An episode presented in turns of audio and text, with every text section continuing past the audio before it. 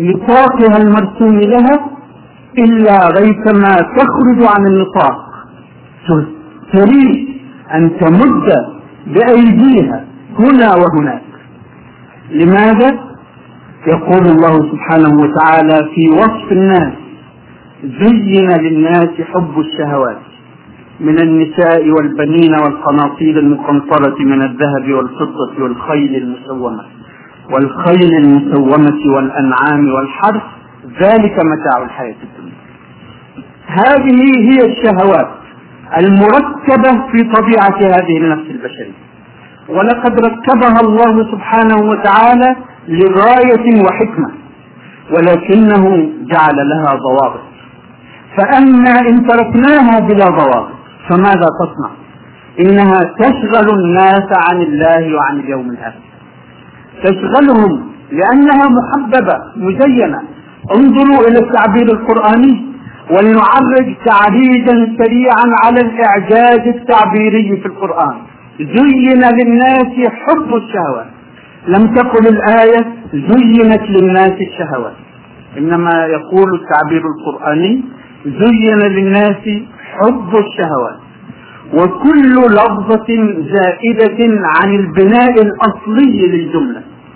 تفيد معنى بلاغيا في الكلام العادي فضلا عن أن يكون في كتاب الله سبحانه وتعالى. فحين يقول الله سبحانه وتعالى زين للناس حب الشهوات معناها أن الشهوات عميقة الجذور في النفس البشرية. إنها ليست هي المزينة فقط بل حبها كذلك هو المزين. أي أنها آخذة بالقلب البشري. ونعم هي كذلك. خلقها الله بهذا العمق بهذا العنف في الكيان البشري لتؤدي مهمة معينة في حياة هذا المخلوق البشري. ولنرجع إلى هذا المخلوق لما خلقه الله سبحانه وتعالى. نرجع إلى كتاب الله فمنه نستمد علمنا في الأساسيات كلها. في مهمة هذا الإنسان في الأرض في دوره في طبيعته في منهج حياته. كل هذه الأمور الأساسية لا مرجع لها إلا هذا الكتاب. لا أرسطو لا أفلاطون لا ماركس لا فرويد لا غيره. من العلماء أو الافاقين لا أحد منهم يعطينا الحقيقة التي يعطينا إياها هذا الكتاب. يقول الله سبحانه وتعالى أعوذ بالله من الشيطان الرجيم وإذ قال ربك للملائكة إني جاعل في الأرض خليفة. إذا نعلم من هذه الآية أن هذا المخلوق البشري خلق لغاية معينة ليكون خليفة في الأرض بينما لم يخلق غيره لمهمة الخلافة. وهذه المهمة مهمة الخلافة.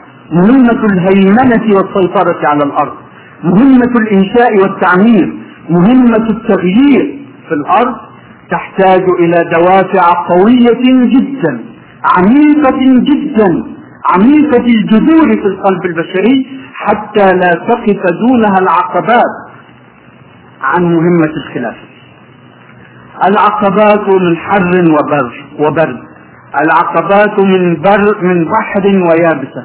العقبات من جبال ووهاد كل هذه عقبات في طريق الإنسان. لو لم تكن في الإنسان قوى دافعة أقوى من هذه العقبات ما استطاع أن يقوم بدور الخلافة الذي كلف به. إذا فالله سبحانه وتعالى وهو يخلق هذا الكائن البشري لمهمة معينة محددة خلق معه الأدوات المعينة التي تعينه على أداء هذه المهمة. ولكن الله يعلم سبحانه وتعالى. ألا يعلم من خلق؟ وهو اللطيف الخبير. بلى.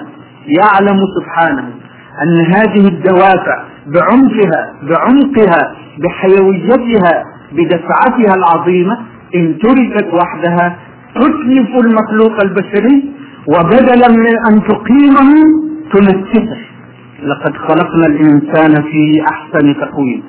ثم رددناه أسفل سافلين. إلا الذين آمنوا. هذا المخلوق البشري عرضة لأن ينتكس بدلا من أن يقوم بدلا من أن يرفع وجهه ويرفع روحه ويرفع عقله إلى الآفاق العليا هو عرضة لأن ينتكس. فيصبح أسفل سافلين متى يصبح أسفل سافلين إذا غلبته هذه الشهوات المركبة في طبعه. من أجل ذلك أعطى الله سبحانه وتعالى هذا المخلوق البشري مع الدوافع القوية الدافعة أعطاه إرادة ضابطة لكي يضبط منطلق هذه الشهوات. وأعطاه عقلا يتدبر مع الإرادة الضابطة ثم أنزل له من السماء وحيا يعينه على ضبط هذه الشهوات. فمهمة هذا الكتاب إذن الهداية التربية ضبط هذه الشهوات التي خلقها الله عميقة دافقة في الكيان البشري فلنرجع إلى آيات آل عمران. زين للناس حب الشهوات من النساء والبنين والقناطير المقنطرة من الذهب والفضة. من الذهب والفضة والخيل المسومة والأنعام والحرث. ذلك متاع الحياة الدنيا. والله عنده حسن المآب. قل أو نبئكم بخير من ذلكم للذين اتقوا عند ربهم جنات تجري من تحتها الأنهار خالدين فيها وأزواج مطهرة ورضوان من الله والله بصير بالعباد الذين يقولون ربنا إننا آمنا فاغفر لنا ذنوبنا وقنا عذاب النار. الصابرين والصادقين والقانتين والمنفقين والمستغفرين بالأسحار هذا هو التوجيه الرباني لضبط هذه الشهوات. حين يصبح الإنسان من الصابرين من الصادقين من القانتين من المنفقين من المستغفرين بالأسحار يكون قد استطاع أن يضبط شهواته. لا تصبح هذه الشهوات هي الهم المقعد المقيم ولا الشاغل الذي يشغل الإنسان ليله ونهاره وعندئذ يستحق ما عند الله مما هو خير من متاع الحياة الدنيا. كيف يستطيع أن يصبح من الصابرين الصادقين القانتين المنفقين المستغفرين بالأسحار هل هناك دواء سحري؟ هل هناك إشعاع سحري يسلط على النفس البشرية؟ فتنقلب في لحظة من نفس تركبها الشهوات وتتملكها إلى نفس راغبة في المتاع الأكبر الموجود عند الله سبحانه وتعالى. كلا لا يوجد دواء سحري لا يوجد إشعاع سحري ولكن يوجد هذا الكتاب.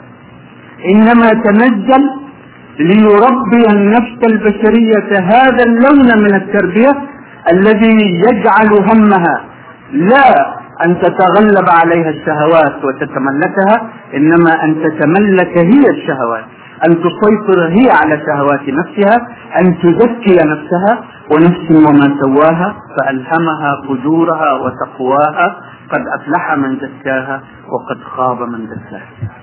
تلك إذا هي المهمة الأولى لهذا الكتاب تزكية النفس البشرية. والوسائل وسائل التزكية موجودة في هذا الكتاب. نتدبرها بإذن الله بتفصيل أو بقدر من التفصيل في سلسلة المحاضرات القادمة. ولكن يكفينا في هذه المحاضرة المقدمة أن نذكر هذه الحقيقة وأن نؤكد عليها أن هذا الكتاب هو كتاب التربية الذي أنشأ الأمة الأولى التي كانت خير أمة أخرجت للناس. وأنه لا هداية لهذه الأمة ولا تربية لهذه الأمة ولا تزكية لهذه الأمة إلا من هذا الكتاب. وحين أقول الكتاب فإنني بطبيعة الحال أقول والسنة المطهرة أيضا فإنها هي المكملة لهذا الكتاب وهي الشارحة له. فكلما قلنا هذا الكتاب نقصد الكتاب والسنة المطهرة لأنهما شيء واحد في الحقيقة وما ينطق عن الهوى إن هو إلا وحي يوحى هذا الكتاب وحي والسنة المطهرة التي قدمها رسول الله صلى الله عليه وسلم للمؤمنين هي كذلك وحي لا يأتيه الباطل من بين يديه ولا من خلفه.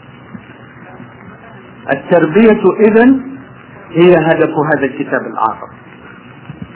وتلك حقيقة أعترف أنها كانت غائبة عني حتى وأنا أقرأ الكتاب حتى وأنا أكتب كتبا إسلامية حتى فتح الله علي. وما من فتح يفتح على البشر إلا من عند الله وإلا من فضل الله سبحانه وتعالى. وتحدثا بنعمة الله أقول وتحدثا بفضله علي أقول إنه هو الذي فتح علي سبحانه وتعالى بأن أدرك هذه البدهية التي ينبغي أن أدركها وينبغي على كل مسلم أن يدركها أن منهج التربية الإسلامية موجود كله في هذا الكتاب وإلا فأين يكون؟ أين يكون منهج التربية إن لم يكن في هذا الكتاب؟ وما هذا الكتاب إن لم يكن هو منهج التربية الإسلامية وقد يتبادر إلى أذهاننا أن التوجيهات التي يحتويها هذا الكتاب هي التربية أو هي منهج التربية.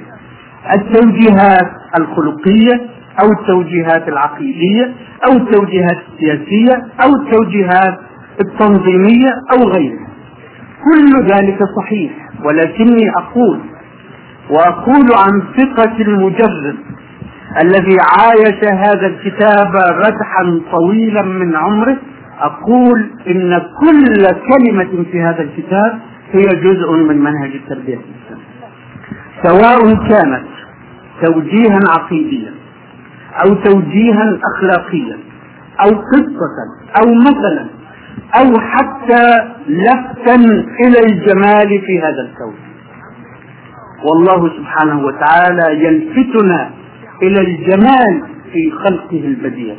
يقول عن الأنعام ولكم فيها جمال حين تريحون وحين ولقد يخطر للقلب للعقل البشري وهو ينظر إلى الأنعام أنها مجلبة للفائدة فحسب.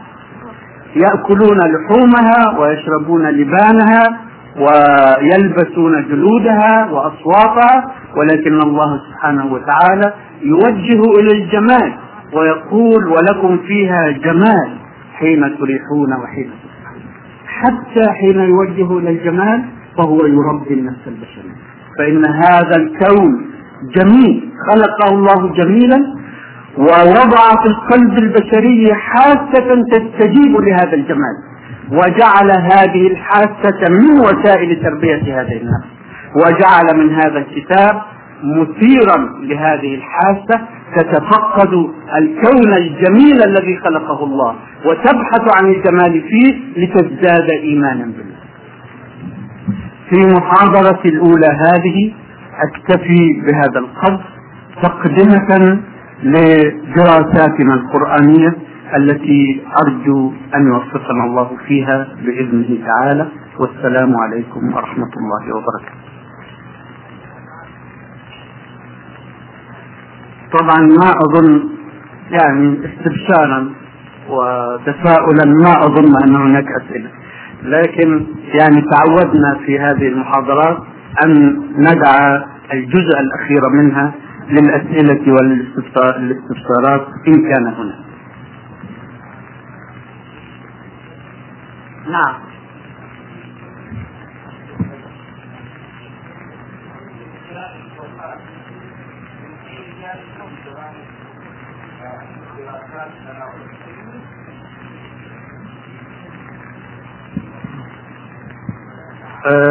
ظلال القرآن تناول القرآن من جملة جوانب ولكنه ركز على جانب معين.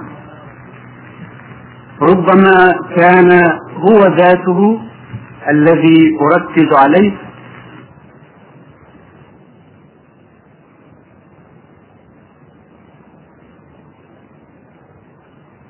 هذه الدراسات القرآنية وأنا متأثر به ولا شك.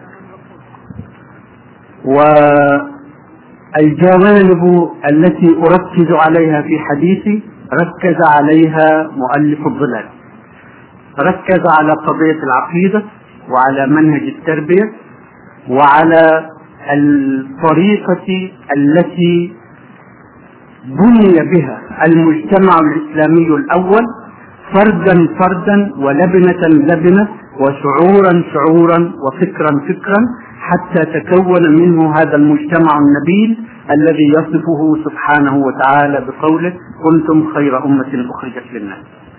ولم يدخل صاحب الظلال إلا قليلا جدا في القضايا اللغوية والبلاغية وأشار إشارات عابرة إلى القضايا والأحكام الفقهية لأنه كان يقول في كل موضع بعد أن يشرح الحكم أو القضية الفقهية إن الذي يريد أن يستزيد في هذا الجانب يستطيع أن يرجع إلى كتب الفقه.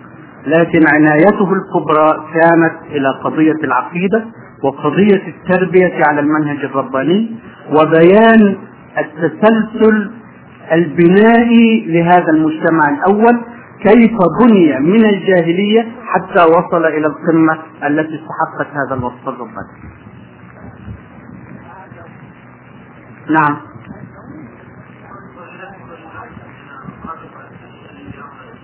نعم.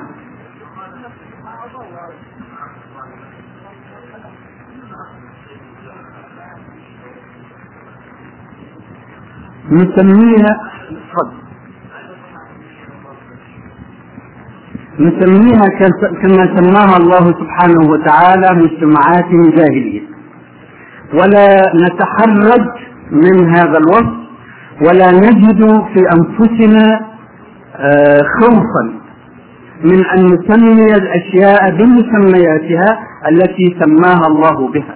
فالله سبحانه وتعالى يقول في وضوح حاسم أفحكم الجاهلية يبغون ومن أحسن من الله حكما لقوم يوقنون.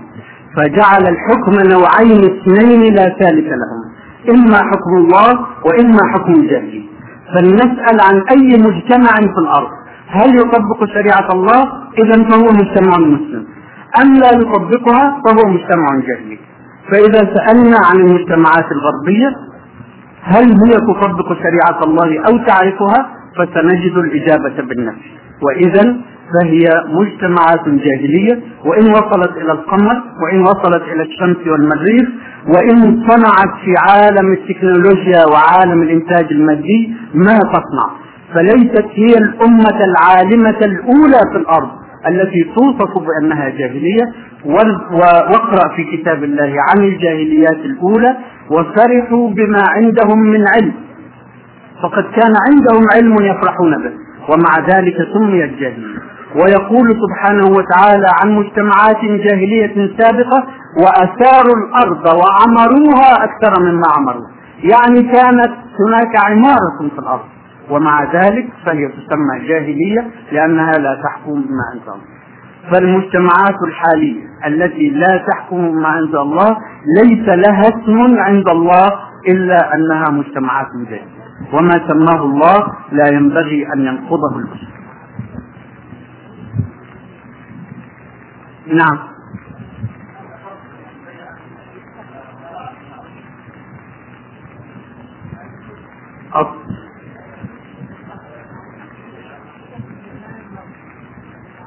نعم الطاعة هي لله سبحانه وتعالى والبيعة لولي الأمر. والبيعة التي أمر الله بها هي لولي الأمر المسلم الذي يحكم بما أنزل الله. وطاعته واجبة فيما أمر به ما لم يخالف الكتاب والسنة. لقوله تعالى وأطيعوا الله وأطيعوا الرسول وأولي الأمر منكم. ولم يقل سبحانه وتعالى وأطيعوا الله وأطيعوا الرسول وأطيعوا أولي الأمر منكم. وإلا لأصبحت طاعتهم واجبة لذاتها كما أن طاعة الله واجبة لذاته وطاعة الرسول صلى الله عليه وسلم واجبة لذاته. ولكنه ألحق طاعة ولي الأمر بطاعة الله وطاعة الرسول. وعجز الآية فإن تنازعتم في شيء فردوه إلى الله والرسول. هذا هو المبدأ. الله والرسول. فالبيعة لولي الأمر المسلم الذي يحكم ما أنزل الله والسمع والطاعة له واجبان فيما يأمر به ما لم يأمر بمعصية أو إثم.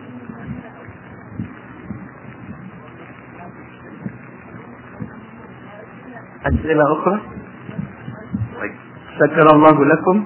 نعم تفضل.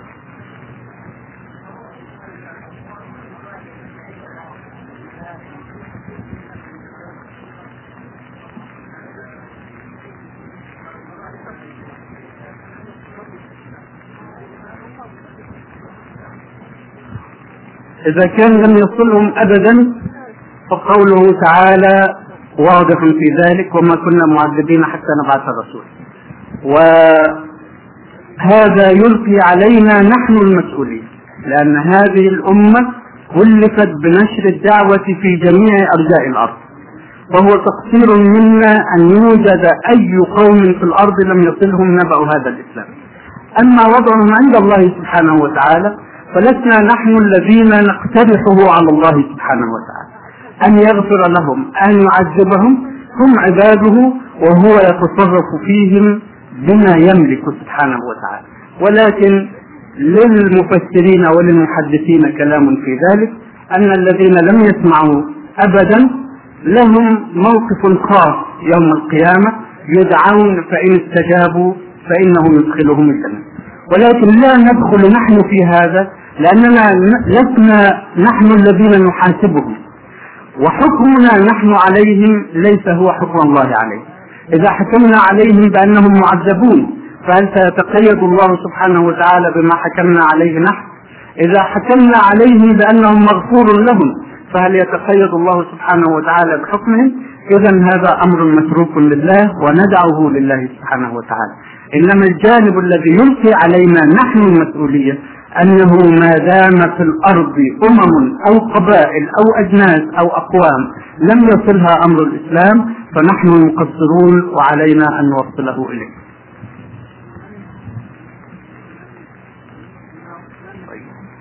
السلام عليكم ورحمة الله وبركاته. وإلى اللقاء إن شاء الله.